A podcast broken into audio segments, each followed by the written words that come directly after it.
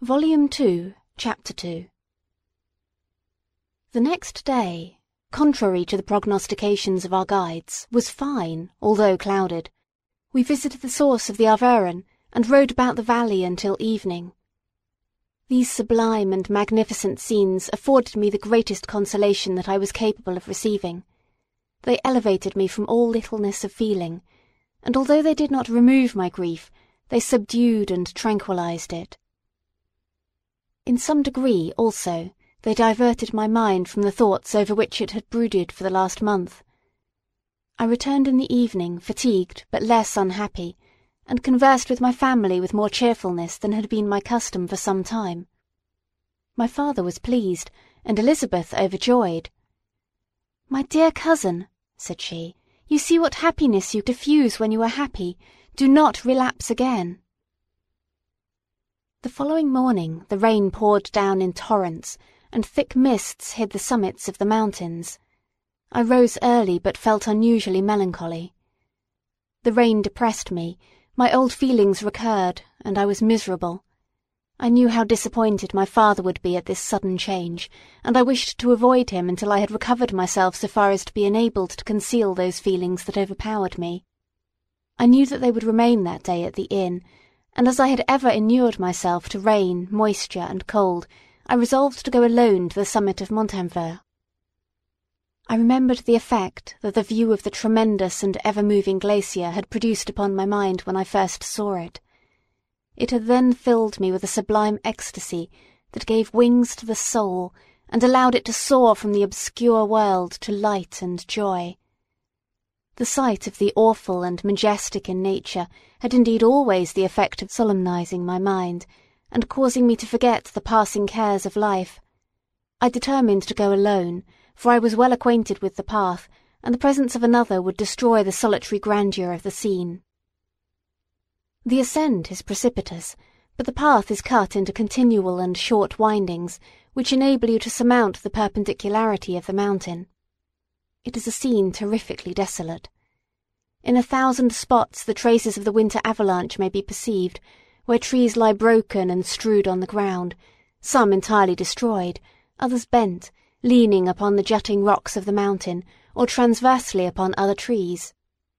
The path as you ascend higher is intersected by ravines of snow, down which stones continually roll from above. One of them is particularly dangerous, as the slightest sound, such as even speaking in a loud voice, produces a concussion of air sufficient to draw destruction upon the head of the speaker. The pines are not tall or luxuriant, but they are sombre and add an air of severity to the scene. I looked on the valley beneath. Vast mists were rising from the rivers which ran through it, and curling in thick wreaths around the opposite mountains, whose summits were hid in the uniform clouds, while rain poured from the dark sky and added to the melancholy impression I received from the objects around me. Alas! why does man boast of sensibilities superior to those apparent in the brute? It only renders them more necessary beings. If our impulses were confined to hunger, thirst, and desire, we might be nearly free, but now we are moved by every wind that blows, and a chance word or scene that that word may convey to us. We rest, a dream has power to poison sleep. We rise, one wandering thought pollutes the day. We feel, conceive, or reason, laugh or weep, embrace fond woe or cast our cares away. It is the same, for, be it joy or sorrow, the path of its departure still is free. Man's yesterday may ne'er be like his morrow, naught may endure but mutability. It was nearly noon when I arrived at the top of the ascent. For some time I sat upon the rock that overlooks the sea of ice. A mist covered both that and the surrounding mountains. Presently a breeze dissipated the cloud, and I descended upon the glacier. The surface is very uneven, rising like the waves of a troubled sea, descending low and interspersed by rifts that sink deep. The field of ice is almost a league in width, but I spent nearly two hours in crossing it. The opposite mountain is a bare, perpendicular rock. From the side where I now stood, Montanvert was exactly opposite, at the distance of a league, and above it rose Mont Blanc in awful majesty. I remained in a recess of the rock, gazing on this wonderful and stupendous scene. The sea, or rather the vast river of ice, wound among its dependent mountains, whose aerial summits hung over its recesses. Their icy and glittering peaks shone in the sunlight over the clouds. My heart, which was before sorrowful, now swelled with something like joy.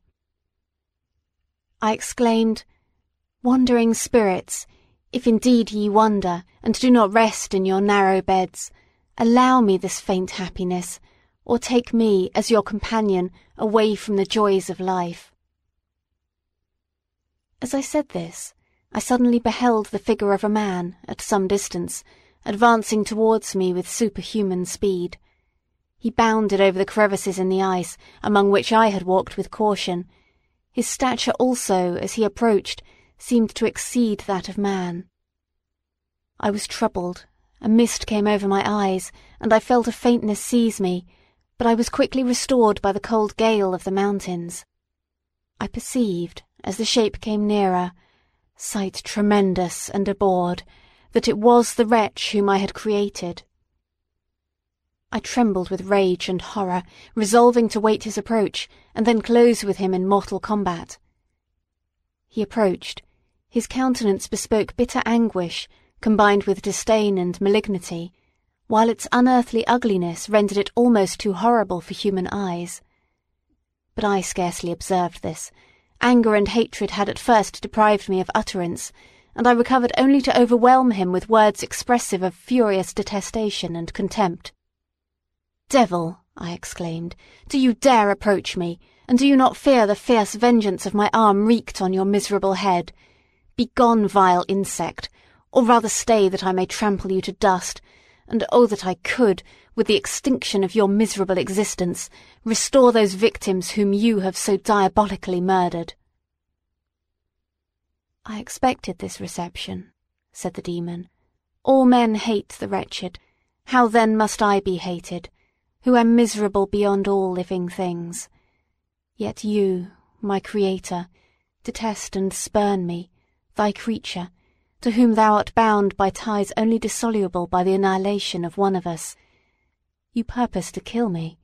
How dare you sport thus with life? Do your duty towards me, and I will do mine towards you and the rest of mankind. If you will comply with my conditions, I will leave them and you at peace, but if you refuse, I will glut the maw of death until it be satiated with the blood of your remaining friends. Abhorred monster, fiend that thou art! The tortures of hell are too mild a vengeance for thy crimes. Wretched devil, you reproach me with your creation. Come on, then, that I may extinguish the spark which I so negligently bestowed. My rage was without bounds. I sprang on him, impelled by all the feelings which can arm one being against the existence of another.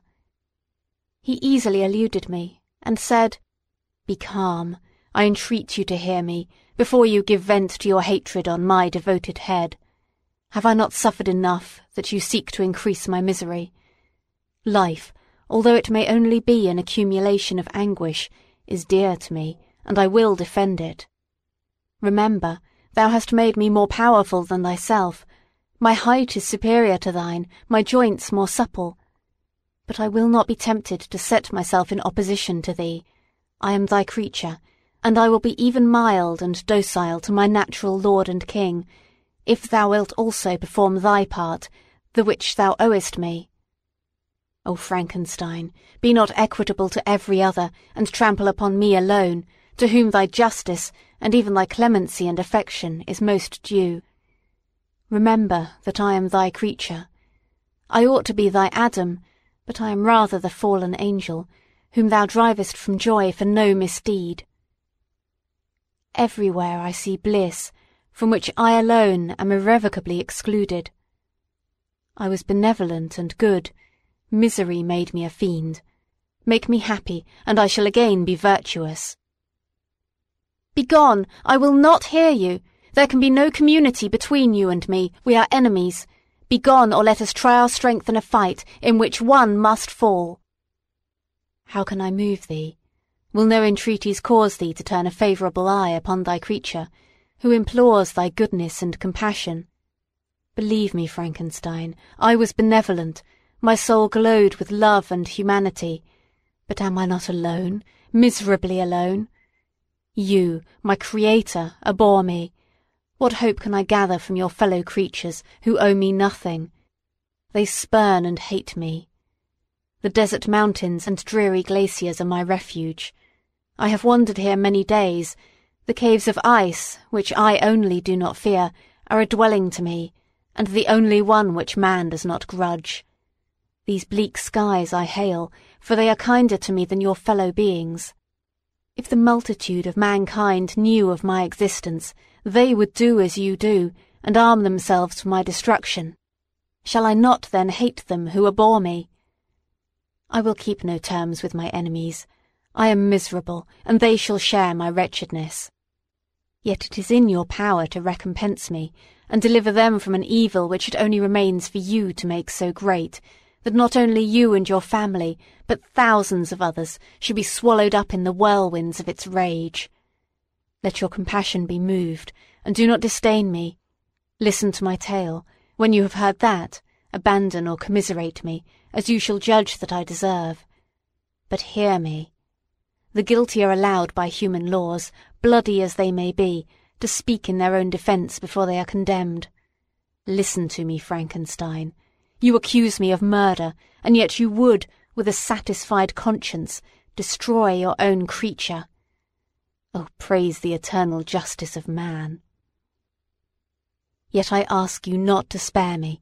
Listen to me, and then, if you can, and if you will, destroy the work of your hands. Why do you call to my remembrance circumstances of which I shudder to reflect that I have been the miserable origin and author? Cursed be the day, abhorred devil, in which you first saw life. Cursed, although I curse myself, be the hands that formed you. You have made me wretched beyond expression. You have left me no power to consider whether I am just to you or not. Begone, relieve me from the sight of your detested form. Thus I relieve thee, my Creator, he said, and placed his hated hands before my eyes, which I flung from me with violence. Thus I take from thee a sight which you abhor. Still thou canst listen to me and grant me thy compassion. By the virtues that I once possessed, I demand this from you. Hear my tale, it is long and strange, and the temperature of this place is not fitting to your fine sensations. Come to the hut upon the mountain. The sun is yet high in the heavens, before it descends to hide itself behind yon snowy precipices and illuminate another world, you will have heard my story and can decide. On you it rests, whether I quit forever the neighbourhood of man and lead a harmless life, or become the scourge of your fellow creatures and the author of your own speedy ruin. As he said this, he led the way across the ice. I followed. My heart was full and I did not answer him, but as I proceeded I weighed the various arguments that he had used, and determined at least to listen to his tale. I was partly urged by curiosity, and compassion confirmed my resolution. I had hitherto supposed him to be the murderer of my brother, and I eagerly sought a confirmation or denial of this opinion. For the first time, also, I felt what the duties of a creator towards his creature were, and that I ought to render him happy before I complained of his wickedness. These motives urged me to comply with his demand. We crossed the ice, therefore, and ascended the opposite rock. The air was cold, and the rain again began to descend. We entered the hut, the fiend with an air of exultation, I with a heavy heart and depressed spirits. But I consented to listen, and seating myself by the fire which my odious companion had lighted, he thus began his tale.